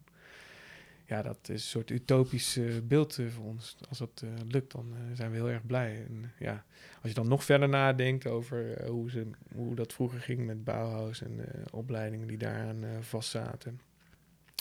Dat je eigenlijk op een gegeven moment zo'n cultuur kan scheppen daarin. Dat je ja, misschien wel doordat je met zoveel makers bij elkaar zit, ook een soort van ja, on, onbewust een soort van stijl ontwikkelt. Ja, ja. Wie weet krijgen we dan ooit nog wel eens de Nijmeegse stijl. Dus iedereen heeft wel zijn eigen voordeur. Maar die voordeuren die komen uit bij één plein. die en worden dat- door elkaar platgelopen, Ja. als het goed is. Nee, dat gebeurt nu ook eh, bij de Vleet gewoon. Er wordt zoveel samengewerkt, er wordt zoveel Ja, met elkaar dingen gedaan. Er zijn ook alweer mensen die intentieverklaring hadden getekend... die dan nu weer eh, ja, zeggen... eh, Bas, ik heb wel een intentieverklaring voor die ruimte getekend... maar ik wil eigenlijk samen met die een grotere of een andere ruimte. dus kunnen wij niet samen? Ja, dat gebeurt best wel regelmatig ook. Dus ja, dat is alleen maar mooi. Je had er 133 creatieve ondernemers bij Ja. elkaar. Dat worden er meer. Eh, hoe, hoe, hoe- Kom eraan. ja, en eh, Ja. zijn het er genoeg? Of zijn het er juist veel, veel meer geworden? Hoe gaat zoiets? Nou ja, eh, we hebben echt wel een...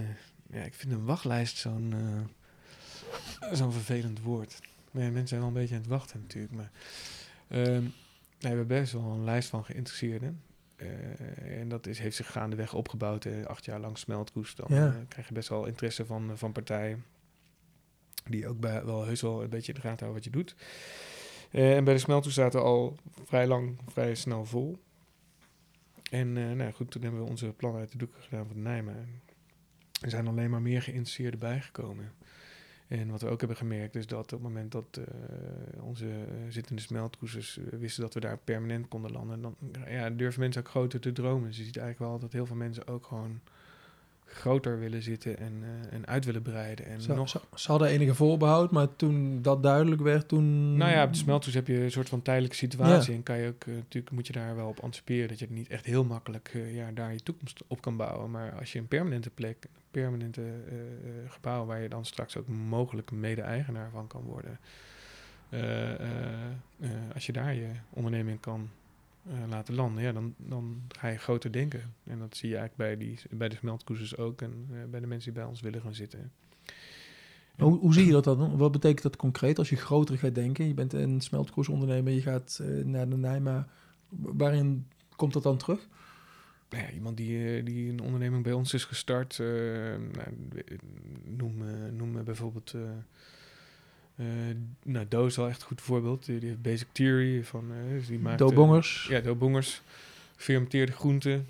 is daar kleinschalig mee begonnen in ons foodlab. Wel meteen een grote unit, maar ze hadden echt ondernemersgeest ook. Ja, als je ziet hoe zij ja, echt in no time met een, ja, met, met, met een bevlogenheid, een visie aan het groeien is en daar ook een hele visie over heeft en ja, eigenlijk ja, eh, eh, een enorme expansiedrift heeft, maar dat op de plek van de smeltkoes niet kon doen, maar eh, zeg maar bij uh, Nijma Makersplaats wel. En ze daar eigenlijk juist, eigenlijk is, gaat ze nog groter dan alleen een makersplaats, dus ze heeft ook nog een productieruimte elders dadelijk, maar daar wil ze, bij ons wil ze zich etaleren. In wat ze doet, in de workshops die ze geeft, hoe ze dat doet. En ja, de, de kneepjes van het vak laten zien. Dus dat is eigenlijk prachtig. En dat geldt ook voor de, voor de ijsprofessor van Onwijs Lekker IJs. Maar ook voor Pen de Souterrain, die bij ons heel klein begonnen is. Die nu echt een soort van hofleverancier van Nijmegen is voor zuurdezembrood, als je het mij vraagt. Ja, dat is te gek hoe dat, hoe dat, dat soort partijen zich in no time ontwikkelen. En dat is heel leuk om te zien. Tof. Ja. Je bent zelf... Uh, je had een studio in de maak met je vrienden. Ja. Je wilde dingen maken, mooi strandstoel, dat soort dingen. Uiteindelijk uh, bleek je opeens een uh, creatief broedplaats op te zetten. Maak je dan ook wel dingen samen? Ja, dan maak je natuurlijk een creatieve minimaatschappij. Maar maak je nog dingen samen? Ja, dat is een uh, moeilijke vraag dit. Nee. nee. Je maakt natuurlijk helemaal Ja, we dingen, maken maar... nu natuurlijk... Kijk, als je zo'n uh, zo'n makersplaats maken, ook als maken aanschouwt, dan maak ik nog steeds heel veel. Zeker, ja. Uh, en ik denk dat ik daarmee mee ook vanuit eh, mijn achtergrond best nog wel eh, heel veel dingen doe die ik heb geleerd vanuit mijn, eh, vanuit mijn, vanuit mijn professie, zeg maar. Alleen wat wij nu aan het doen zijn, is een soort gelegenheidsontwikkelaar aan het spelen. En niet omdat we dat heel graag, hè, omdat we dat nastreefden, maar omdat dat bijvoorbeeld de manier is waarop je een plek als deze, die eigenlijk best wel in slechte staat was, zonder de wens tot ontwikkelwinst, want die wens hebben wij niet per se, we willen gewoon die plek die we hadden, uh, groots en meeslepender opnieuw uh, opbouwen. Uh, ja, dat kan je alleen maar doen als je dat op die manier doet zoals wij dat doen. En dan leer je dat ontwikkelen als een soort van middel om een doel te bereiken. Dus ja, zijn we nu echt aan het maken. Wimke die staat nog het meeste op de stijgers, oh ja. zou ik maar zeggen. Dat is de meest uitvoerende van de drie. Bouke en ik zitten ook veel aan de kant waarbij je eigenlijk die processen moet inregelen. Je moet zorgen dat je de, de centjes voor elkaar hebt, dat de bouwstromen goed lopen, dat uh, je zorgt dat je weet wie in welke unit komt voor welke prijs enzovoorts. We hebben tegenwoordig ook al wat personeel die ons meehelpt om, om die plek op te bouwen. Dus dat komt ook allemaal bij kijken. Dus nu zijn we heel erg, nou ja, we worden vaak, vaak bedenken wij dingen die ons volledig in beslag nemen gedurende een bepaalde periode. En uh, naar maaksplaats wel echt, echt de next level. Dat wat, we dat, wat hier allemaal bij komt kijken en wat we nu allemaal uit de kast aan het uh, trekken zijn, is, uh, dat gaat echt alle registers open. Ja, maar het is ook niet wat je bedacht hebt of zo. Ergens is die smeltkroesje overkomen. Als je bij, ja. dat klinkt natuurlijk te, te, te onbewust. Je hebt er ook wel voor gekozen. Dit is een vervolg daarop. Ik, uh, dit had je niet bedacht in, uh, toen je nee. ooit stopte bij je architectenbureau. Nee, ik, uh, ik zei vanochtend nog een soort van tegen Marleen. een van je personeelsleden. Een van mijn personeelsleden. en mijn buurvrouw, best En jouw buurvrouw, inderdaad. dit zou toch eens waar zijn, joh. Dat we dit aan het doen zijn. En we zijn het eigenlijk gewoon aan het doen. Maar ik kan nog steeds niet helemaal geloven dat het, ja, dat het over twee jaar staat. Het was een knijpmoment. Ja, het is een soort knijpmoment. Dus ik, ja, ik vind het bizar dat we al, nu al zover zijn gekomen. En uh, het gaat echt hard. Dus uh, we zijn nu met de eerste fase bezig. Het gaat over 5000 vierkante meter. En over tien weken zit die schil gewoon eromheen om het gebouw. Dus dan is het gebouw dicht in ieder geval. En dan kunnen we met de afbouw beginnen. En uh, zorgen dat ja, mensen ook gewoon echt weer de unitjes krijgen. Mooi, mooi te volgen op de Instagram van de Nijmer Makersplaats. Daar zie je af en toe fotootjes dat je denkt van... Oh, dit wordt zo gaaf. Ja, ja. Die lichtkoepel in het midden. Ja, het wordt echt gek. En uh, we hebben ook... Uh, ja, we hebben zoveel... Ik heb echt van mijn leven lang niet zoveel geleerd als de afgelopen nou, drie, vier jaar, zeg maar. Maar inhoudelijk bedoel je? Of ja, uh... inhoudelijk ook gewoon. Je leert echt... nou, het gaat van... Uh, processen die je ingaat met, uh, met hoe je dat moet gaan financieren, tot uh, hoe je al dan niet met, met projectontwikkelaars samen zo'n plek op gaat tuigen, met wat er omgevingsvergunningstechnisch bij komt kijken, met hoe jouw programmatische wens voor zo'n gebied versus de stedenbouwkundige wens voor zo'n gebied, hoe dat niet met elkaar kan matchen en hoe je dat wel over elkaar kan leggen en hoe je daar ook je energie in moet ja, moet kanaliseren, ik moet, moet, moet zoeken. Uh, dus uh, uh, als ik gewoon de, de, angry young man was gebleven die ik was, dan was ik nooit geslaagd in dit proces. En dat hebben ze me ook al eens een paar keer verteld. Van joh, in het begin waren jullie vurig en, en achterdochtig misschien ook wel. Ja, ja. en gaandeweg hebben jullie wel geleerd om, ja, om veel constructiever in het proces te staan. Ook, ook in onderhandelingen, hè? ook, ook tussen ons en de gemeente bijvoorbeeld. Hè? Dus dat je in eerste instantie denkt van ja, waarom slaan jullie ons over? En uh, hier staan we en uh, wij willen dit doen. En uh, dat je gaat naar een samenwerking in een ontwikkelteam, in een ondernemerscoöperatie, in, in hoe je die plek nou met elkaar kan maken en op kan tuigen. Maar je doet het ook niet alleen, dat vind ik ook wel bijzonder. Je doet het met twee, misschien wel van je beste vrienden, twee ja. goede vrienden. Ja. Um, um, je bent ooit begonnen met Studio in de Maak, dit had je niet bedacht. Hoe, hoe, hoe, hoe gaat zo'n samenwerking? Hoe gaat een rolverdeling? Hoe is dat soort... Ja, dat is... Wat wij met elkaar hebben is denk ik wel echt een redelijk uniek... Uh, ja. Maar dat komt, we kennen elkaar heel erg goed en... Uh, nou wordt het een beetje creepy misschien, maar... Um, wij wonen ook allemaal vlak bij elkaar. Mm -hmm. Dus uh, Bouke woont twee huizen van mij vandaan en Wimke woont in een, een straat parallel daaraan. En al onze achterpaden die uh, uh, grenzen aan elkaar. Dus we kunnen gewoon zeg maar in een soort van intern systeem kunnen ook naar elkaar toe. En het voordeel daarvan is dat onze kindjes altijd met elkaar kunnen spelen en eh, bij elkaar de deur plat lopen. En het is gewoon wat we daar hebben gedaan, een soort van eh, Volkswijk eh, 2.0 eh, principe. In de Wolfschool bedoel ja, je, waar je de- in de? Wolfskuil, ja. Daar zie je eigenlijk heel veel gezinnen en eh, families eh, bij elkaar wonen. Eh, opa's, oma's en eh, kleinkinderen die allemaal in de straat of daaromheen wonen. En wij hebben dat eigenlijk met vrienden gedaan. Wauw. En eh, ja, dat hebben we misschien een beetje afgekeken. Want je ziet dat bij die eh, originele Wol- Wolfskulers dan eh, heel goed werkt. En dat werkt eigenlijk voor ons ook perfect. En wat mensen vaak genoeg zeggen, natuurlijk, krijg je dan nooit genoeg van elkaar. En want we gaan ook nog wel eens met elkaar op vakantie. Maar daar zit eigenlijk, ja, gek, het klinkt misschien gek, maar daar zit best wel een gezonde balans in. Dus ik doe naast, eh, naast dat ik uh, Bouke Wimke heel veel zie, eh, ben ik ook nog aan het voetballen. Heb ik ook nog mijn eigen milieu hier in, in Nijmegen gecreëerd. En, Maar vrienden met elkaar zijn is wat anders dan. met elkaar werken natuurlijk ook. Dat moet ook maar goed gaan. Ben, je, Ja. ben je daar wel ben je daar scherp op of hoeft dat eigenlijk helemaal niet? Of was dat in het beginfase Nou, misschien zo? Het lastige is dat zelfs al zeg je niks, dan weet ze eigenlijk nog wat je bedoelt. Dus het is heel moeilijk om niet eh, jezelf te zijn. Ja, Dus, dus daardoor weet je eigenlijk altijd van nou, als er iets speelt of als iets niet klopt. Alleen al aan een trillend lipje of aan...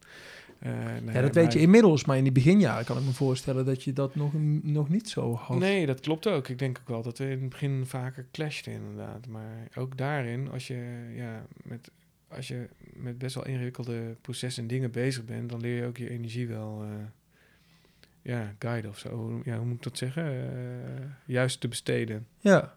ja, maar eh, ik ga eens terug naar zo'n clash. Ik bedoel, eh, dat heb je altijd, dat heb je af en toe met mensen met wie je werkt, dat je het niet met elkaar eens bent. Ja, Daar moet je vervolgens wel van leren om het de een volgende keer beter te doen, slimmer te doen. Eh, hoe- heb je dat dan bewust uitgesproken met elkaar? Of hoe gaat zoiets? Ik Ehm, begin te lachen. ja. er zitten zoveel verhalen achter zo'n eh, zo'n onderneming en zo'n vriendschap. Dat, eh, nou, meestal, dat, meestal hè, dat, dat lossen we eh, bijna gebroedelijk op. Maar we, hebben ook, we hebben ook wel echt nagedacht over hoe je dat moet inre- inregelen. Ook onderling. In het Dus begin zijn- al. In het begin al, ja. Dus dan waren we op wintersporten, gingen we bedenken van... oké, maar hoe gaan we dit nou doen? We zijn vrienden. We gaan, En dat willen we blijven. En dat willen we blijven, boven alles, alles, alles, alles. Hoe gaan we dat inrichten? Hoe zorgen we dat, dat, dat we nooit slachtoffer worden van onze eigen bedenksels? Mhm. Nou, in aanvang hebben we dat gedaan door een werkdocument op te stellen... en te zeggen van, nou, weet je, als er... eh, we zijn met z'n drieën. Als twee van de drie iets willen wat de ander niet wil... eh, en die ander voelt zich daarin echt benadeeld... hoe ga je dat dan doen? Nou, daar zijn over nagedacht. Ik dacht, nou, weet je wat? We nemen alle drie een raadgever. Mag je zelf uitkiezen. En die raadgevers, die drie, die eh, kunnen bij een conflict waarbij de een zegt hè, dat die andere twee niet bij het rechte eind hebben en die zijn er echt mee oneens, dan bellen we onze raadgevers op en zeggen: eh, Dit is het probleem. En we willen dat jullie daar stelling in nemen. En eh, jullie met z'n drieën, die raadgevers, die mogen één stem uitbrengen. En als die eh, stem dus gelijk is aan degene die in zijn eentje staat, dan hebben we een padstelling en dan moeten we gaan moderaten of iets anders. Eh, Dus ook al is het eh, dan eh, daarbij 4-2 geworden, omdat er één iemand... als het, nou ja, drie, dan is het 3-1 zeg maar. Omdat die raadgevers hebben één stem. Ja, ja, oh sorry, ja. Ja, dan moet diegene zich daarbij neerleggen. Maar het is nog nooit voorgekomen hoor. En we hebben toevallig alle drie onze schoonvaders eh, uitgekozen. Hilarisch. ik vroeg wel af, wie, wie zijn dit? Ja, gewoon? ja. Maar het is nooit voorgekomen dat je ze in hebt hoeven schakelen? We hebben wel... dus je hebt er eh, gewoon over nagedacht en dat is eigenlijk ja, al het goed, belangrijkste wat- geweest. En daarmee wat heb je we ze wel nooit- vooral in het begin ook eh, deden, maar met de Nijmen is echt compleet uit de hand gelopen qua, en, qua ontwikkelen. En, en de processen die we daarin tegenkomen, die konden we ook niet meer spiegelen aan onze raadgevers. Dus toen, eh, ja, het was Het is gewoon te complex. te Dat- complex. ja. Ja. Ik zou het ze niet eens uit kunnen leggen. Nee, nee, nee. Dus Eh, daarmee is het een mooi idee, die raadgevers. En je moet het ook niet tegen de schoonvaders vertellen dat ze eigenlijk er niet meer toe doen als Nee, raadgever. maar ze doen er nog steeds toe als raadgevers. Dus als we echt in een conflict situatie komen eh, met elkaar, waar we niet uitkomen, dan, Dan heb je ze zeker. Ja. Maar Ja. wat we deden in het begin is wel ieder jaar eh, etentje en eh, met elkaar eh, hebben over de voortgang en, enzovoorts. En de problemen die we tegenkwamen. En er werden ook wel besproken hoe je met conflict situaties omging die eh, de- dus minder prangend waren. Maar dat, ja, dat zit er nu niet meer bij. Maar dat heeft ook een beetje met eh, de vaart der dingen te maken. Dus Ja. er is zoveel wat we aan het doen zijn nu. Ja. Maar dat is er eentje. Ander, eh, ding wat we hadden ingeschakeld was een... eh, dat je op een gegeven moment dacht van... Oké, wow, maar we gaan dit doen. En eh, het lijkt te gaan gebeuren en te lukken. En eh, ja, er wordt een soort van miljoenenontwikkeling. En hoe ga je nou... Als je zoveel verplichtingen aangaat met elkaar... Hoe zorg je nou dat je dat aan kan gaan... met echt maximaal te focussen op die vriendschap? Want ja, er gaan zoveel dingen door elkaar heen spelen dan. Dus toen heb ik via een vriendin van mijn, van mijn vrouw... Heb ik, ben ik bij een man terechtgekomen die, eh, die gewoon was om dat soort processen te begeleiden. En eh, te kijken van oké, wat, wat is de onderlinge verhouding eh, eh, tussen de mensen om wie het gaat en in welke mate staan ze in hun kracht. En we hadden hem eigenlijk die vraag gesteld van hè, hoe kunnen we met bouwt van onze vriendschap dit, deze ontwikkeling aangaan. Dat is belangrijk. Ehm, en iedereen, eh, iedereen in zijn eigen kracht. Alleen toen bleek dat die, dat krachtenveld niet klopte. Dus Wimke was, eh, eh, was dingen aan het doen achter de computer... waar hij heel erg ongelukkig van werd. eh, waardoor hij niet in zijn kracht stond. En eh, ja, ook een beetje afhaakte op sommige processen. En het waren ook super ingewikkelde en moeilijke processen... die ik ook niet altijd even leuk vond... maar ja, die ik wel beter kon eh, leiden dan hij. En daar kwam je achter doordat je die man inschakelde. ja, en die, die, had die- daar allerlei technieken voor en eh, weet ik veel, eh Winnie de Pooh management boeken en eh, dat soort dingen. Ja. En dat klinkt een beetje gechargeerd, maar die man, ik ben hem nog, nog eeuwig dankbaar om hoe hij ons heeft geholpen. En hij is niet meer helaas, maar daar hebben we dus echt een groot gemis aan. Hij zorgde ervoor dat Wimke niet afhaakte, bijvoorbeeld in dit nou geval. ja, eigenlijk, ja, in de aanvang leek het er even op, of dat hij er juist voor zorgde dat hij onze dynamiek verstoorde. ja. Maar hij zorgde juist voor dat Wimke eh, veel meer vanuit zijn eigen ja, motoriek ging werken. En eh, ja, dat is eigenlijk briljant. Nou ja, gaandeweg kom je ook wel... dus zo, zo'n zo'n proces is niet zonder slag of stoot. Bouke heeft half jaar, afgelopen half jaar ook met verminderde kracht kunnen, kunnen werken aan het plan. Gewoon omdat ja, best wel veel is. Hij heeft ook weer een kindje gekregen. Dat speelt ook allemaal mee en naast elkaar en adds up. Ja, dan eh, eh, moet je door al die stadia, door alles wat er ook nog speelt. Ja, dat is, eh, dat is wel soms wel overleven. Maar nu, nu is hij weer helemaal terug. En Ja. hebben we onze focus maximaal. Hè, dus we- die zo'n verhuizing van 130 man, dat, dat doe je ook niet even. Liefst ook maar één keer, maar ja, dat moeten we al twee keer doen. Ehm, ja, dat, dat krijg je dan ook nog even tussendoor en erbij en erbovenop. En ondertussen weet je, ben je met het proces bezig wat je nog nooit hebt gedaan, waarvan je nog niet weet of het gaat lukken en of je het allemaal op, op tijd klaar krijgt, wat ook natuurlijk nooit zo is. Ja, daar, ja, daarom heb ik nog nooit zoveel geleerd als in de afgelopen jaren. En is je vriendschap alleen maar sterker geworden, kan ik me ook zo Ja, voorstellen. ja, zeker. Ik bedoel, met je vrienden Nou ja. bouw je ervaringen op of doe je ervaringen op en eh, herinneringen maak je. Dit is wel even een herinnering Nou, die je samen zeker. Ja, ja, ja. Het enige waar ik me soms druk over maak is dat, eh, zeg maar, eh, hebben eigenlijk zoveel zegeningen in de afgelopen eh, tijd wel gehad. Moet keer we fout gaan. nee, ja, ook dat, maar eh, waar we ook al onvoldoende bij hebben stilgestaan. Dus we hebben Mm, eigenlijk je geen tijd om, doorgegaan. ja, we hebben eigenlijk geen tijd om erbij stil te staan. Oh, ja. Dat, eh, dat mis ik wel eens. Het, het zegenvieren gaandeweg. Terwijl we genieten heus wel van die momenten hoor, maar het is wel echt doorpezen. Nou, laten we hem even prikken. Wat, wat is het volgende zeegmoment dat je wel bewust gaat meemaken dan? Ja. Dat ik je eraan mag herinneren, Bas. Te zeggen, vergeet je niet eh, dit te vieren. Is dat wanneer je er met z'n allen in zit? Of Nou, ik denk dat eh, echt de, de, nou de, de, de, een van de grootste zegenmomenten in de nabije toekomst is wel de, de oplevering van fase 1 natuurlijk. En fase 2 en 3 die volgen daar hopelijk eh, vrij snel op. Dus dat wordt een moment. Maar nou goed, nou, eh, dat, als het echt eh, wind en water dicht is, dat je echt opeens een gebouw hebt. En dat je een soort van, ja, het maakt niet uit wat er gebeurt, maar je hebt een soort van schil waar je, eh, een gebouw waar je dingen in kan gaan doen. Ja, dat is wel een momentje ook natuurlijk. Wanneer is het zover? Ja, over tien weken zou het zover moeten zijn. en over tien weken, dat is 2,5 maand. We zitten nou in eh 1 april, zeg maar ongeveer. Net voor de zomer. Net voor de zomer, ja. Ja, dat lijkt me wel een waanzinnig moment. Maar nu ook hoor, echt iedere... ja, Ik, ik rij vanochtend naar, eh, naar de Nijma en dan, eh, zie je de dakplaat op het dak gehezen worden. Dan zie je dat eh, de gevel hersteld wordt en dat er steeds meer constructieonderdelen bij komen. Dat de nieuwbouw wordt gerealiseerd. Ja, er gebeurt zoveel op dit moment. Elke dag ziet het er weer anders uit Ja, natuurlijk. het is echt bizar. Het is, het is echt gaande. Het is volop bezig. En we hadden vorige week hadden we een eh, bijeenkomst voor mensen die al een intentieverklaring hebben getekend. Een soort eh, voorloper van het voor hun ruimtes. Om ze weer eens bij te praten over wat de planning is, over hoe de voortgang gaat, over de problemen die we tegenkomen. Het is gewoon echt eh, door corona en door die materialencrisis ook echt niet, heel erg, niet heel erg eenvoudig. Soms moet je ook heel lang op leveranties wachten of dat bouwende partijen beschikbaar zijn enzovoorts. Dus dat heeft allemaal extra ingewikkeldheden.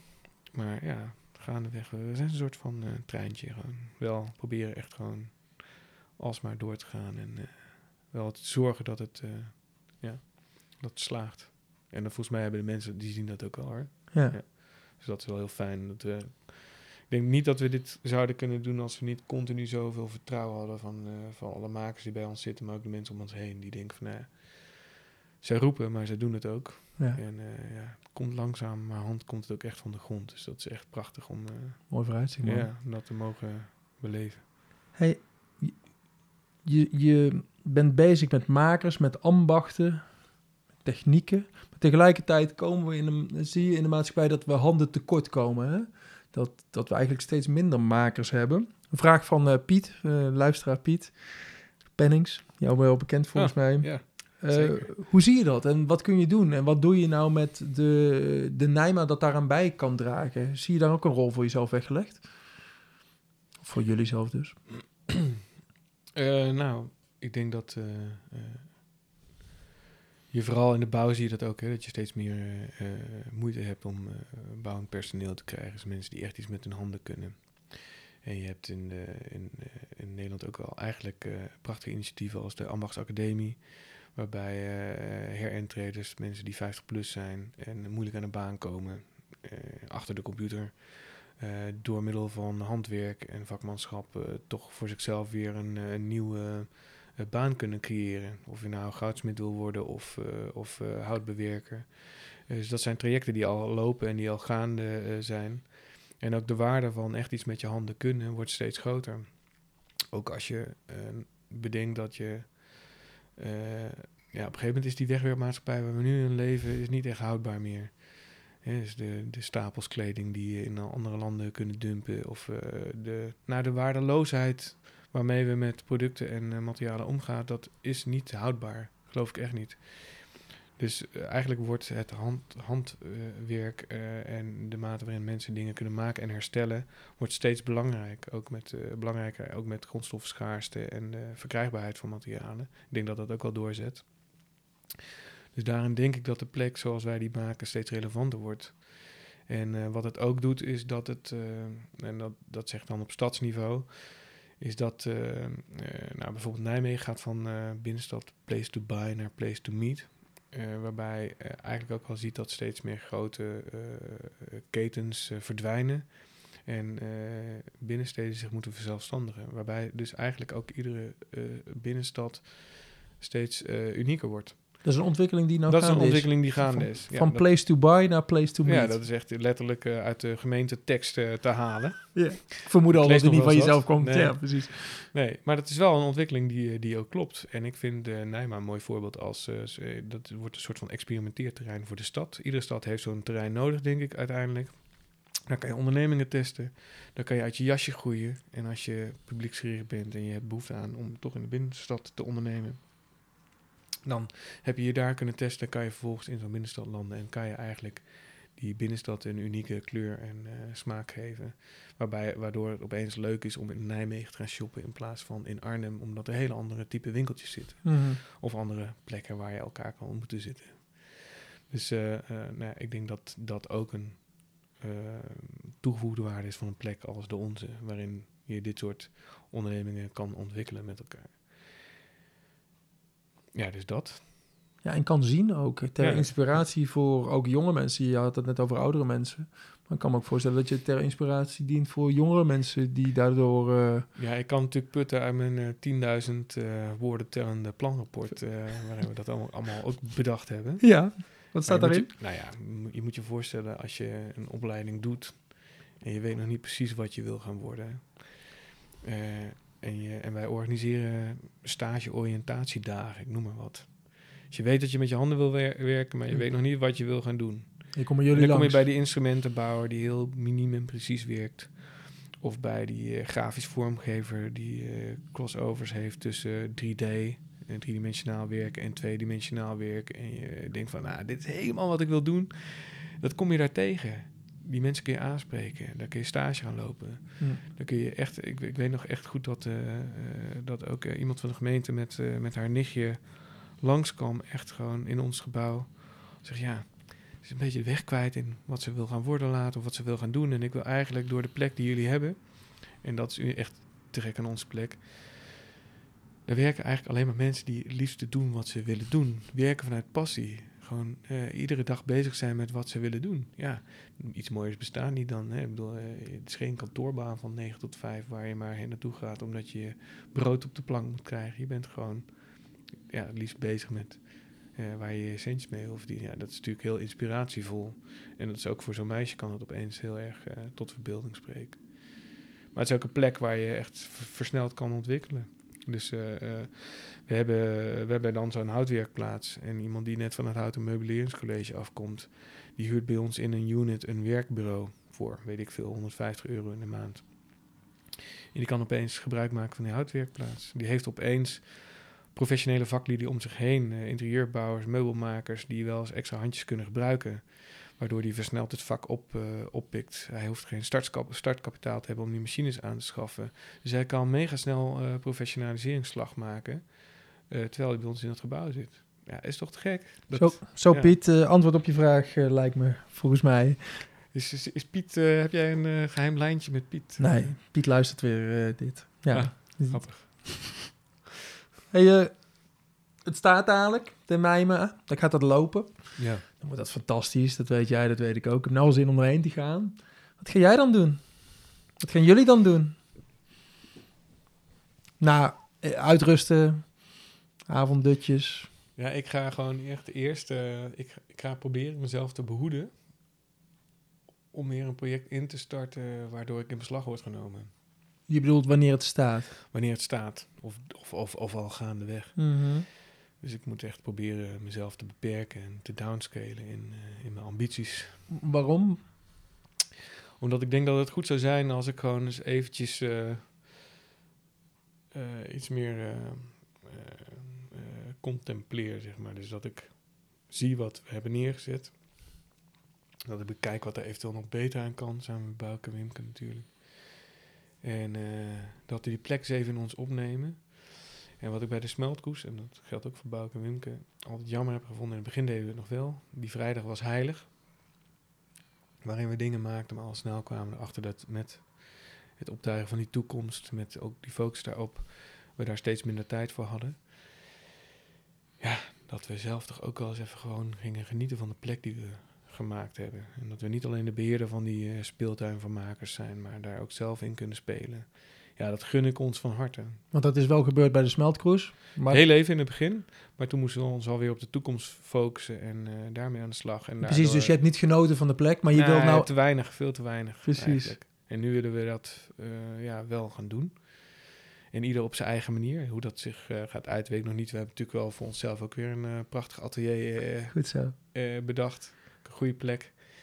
Met ook wel een kantoor erboven. eh, voor onszelf, maar ook voor onze eh, eh, medewerkers. Ook een fantastische plek. Ehm, eh, ja, en dan gewoon maar eens even zien. Ik ben echt heel benieuwd. Ik heb continu wel ideeën over wat ik nog meer zou willen en of kunnen gaan doen. Ook nog wel ergens de verre ambitie om iets met glas en lood te gaan doen. Ik weet niet waarom. Maar gewoon dat ik de, opeens de vrijheid heb om, eh, om opeens iets met glas en lood te gaan doen of een lastcursus te volgen of zo. Dat lijkt me echt heerlijk gewoon. Daar heb ik echt zin in. En dat ik dan niet mijn tijd alweer zodanig heb ingepland eh, dat ik alweer allerlei andere dingen moet. Ik ben bij deze opgenomen, dus mensen kunnen je eraan gaan houden. Ja, jongen. ja, doe het. Hou me tegen. Ja, precies. Hey, eh, ik wens je veel succes. Ik wens jullie veel succes. Enorm leuk om je te leren kennen en dit verhaal van je te horen. Ja, bedankt dat je wilde luisteren en dat je mij uitgenodigd Ja, ik kom langs, man. Te gek, Ja. kan niet wachten. Ja. Mag ik nog één ding vertellen? Bij deze. Wat ik nog wel belangrijk vind te melden is... eh ja, we zijn nu per ongeluk een beetje in, eh, in, eh, in, ehm, eh, met eigenaarschap aan het verwerven. Dat gebouw ook. Hè. Dus hoe, daar moet je ook een financiering voor regelen. En dat doen we doordat we hebben destijds voor de smeltroes hebben we dat gedaan met de Triodos Ja. bank. En eh, daar hadden we, eh, hebben we op enig moment hebben we daar vervroegd afgelost. Dat was echt waanzin, want eh, we waren de meest risicovolle investering van de s- Triodos bank destijds. Ja. Alleen we hadden ook die crowdfund reservering en daar hebben we een trucje mee uitgehaald, waardoor we door die te intensiveren en in een korter tijdsbestek te gaan sparen, we de Triodos vervroegd af konden lossen. Daardoor stonden we er echt super goed op bij de Triodos bank. Ja. Dus dat hebben we, hebben we heel erg mee. En wat we ook mee hebben is dat op het moment dat projectontwikkelaars, commerciële projectontwikkelaars, niet instappen op een ontwikkeling, dus hè, op zo'n gebouw uit de grond te trekken, dan heb je een partij als eh, eh, OHG, Ontwikkel- en Herstructureringsmaatschappij Gelderland. En die is dan bereid om eh, geld ter beschikking te stellen. Dat is een revolverend fonds, moet je een marktconform elkaar terugbetalen.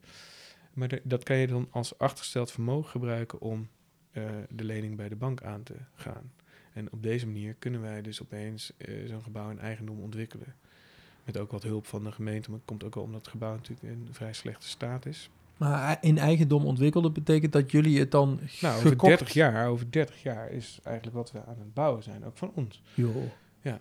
Om hoeveel geld gaat het dan? Mag ik dat vragen? Ja, miljoenen. Ja, precies. Hoe is dat om voor zoveel geld dan... Nou, we zien het een beetje als flippo's. Ja, dat moet je Dus, ook eh, doen. Bij de smeltroes eh, zijn er, eh, is er geloof ik een nulletje bij opgegaan bij wat onze perceptie was eh, bij ieder bedrag. En dat hebben we nu nog een keertje. En eh, ja, dat is allemaal vrij abstract. Op een gegeven moment is dat zo abstract. Maar wat ik belangrijk vind is eh, dat revolverende fondsen moeten we echt binnen vijf jaar terugbetalen. En het leuke daarvan is dat, dat we dat eigenaarschap, wij hoeven echt niet miljoenen te bezitten. Dat willen we ook helemaal niet. Maar we willen wel dat die waardecreatie, wij maken die plek niet alleen, dat doen de makers met ons. Dus we willen heel graag in dat eigenaarschap delen met de makers die die plek met ons maken. Dat is niet gratis en voor niks natuurlijk, want wij moeten ook hard verwerken. Eh, maar het is wel te gek om straks die plek in eigendom te hebben met de mensen die met ons die plek maken. Dus ja, dat vind ik wel belangrijk. Dat, dat een plek wordt zoals in een goed Nijmeegse traditie. Hè, want eh, je hebt eh, allerlei collectieve eh, initiatieven als eh, collectief de plak. Te plakje. eh, allerlei collectieve woonvormen. Dus het is heel, eigenlijk een hele goede Nijmeegse traditie. Café de om- kantine vroeger. ja, Ja. om op die manier zo'n project in te starten. Waarbij, nogmaals, die eindgebruiker centraal staat. Dus ja, ik vind het te gek dat ons die kans is geboden. En dat wij dat ook door kunnen geven. Daar zie ik echt naar uit. Flippo's. Flippo's. Dat waren mooie tijden. Dankjewel Bas. Graag gedaan, man. Tot op eh, de Nijma. Yes. Zo, dat was me dan. De 44ste aflevering van 0247. Ik praat vandaag met Bas de Vries, misschien wel de meest volhardende Nijma-maker van Nijmegen. En ik heb nu al zo enorm veel zin om over die makersplaats te kunnen lopen, daar straks eh, bij de Nijma. Echt ongelooflijk. Na afloop eh, ook wel mooi. Jammer eigenlijk dat ik die recorder heb uitgezet. Want ik denk dat we nog wel een eh, uur of twee hebben nalopen eh, praten. En daar kwamen ook nog heel veel andere onderwerpen aan bod. Die allemaal raken aan het concept Nijma. Bijvoorbeeld Nijma Clothing kwam nog even aan bod. Als je een toffe, als je toffe kleding wil met een Nijma erop. Joh, Nijma Clothing googelen en daar kom je dan ook. Daar zit Bas dus ook gewoon achter. Ik eh, vond het echt weer een te gek gesprek om te mogen houden. Dank Bas voor je tijd, voor je mooie verhalen. Ik heb er echt zin in om straks bij jou langs te mogen komen. Eh, de komende tijd weer mooie verhalen ook gepland staan. heb je nog een tip? Heb je een opmerking? Laat het me weten via jorisapenstaatje0247.nl. Stuur me een mailtje. Via de website 0247.nl of via de socials, bijvoorbeeld op Instagram, podcast0247. Dit was hem weer voor deze keer. Eh, graag tot de volgende maar weer. Haaien!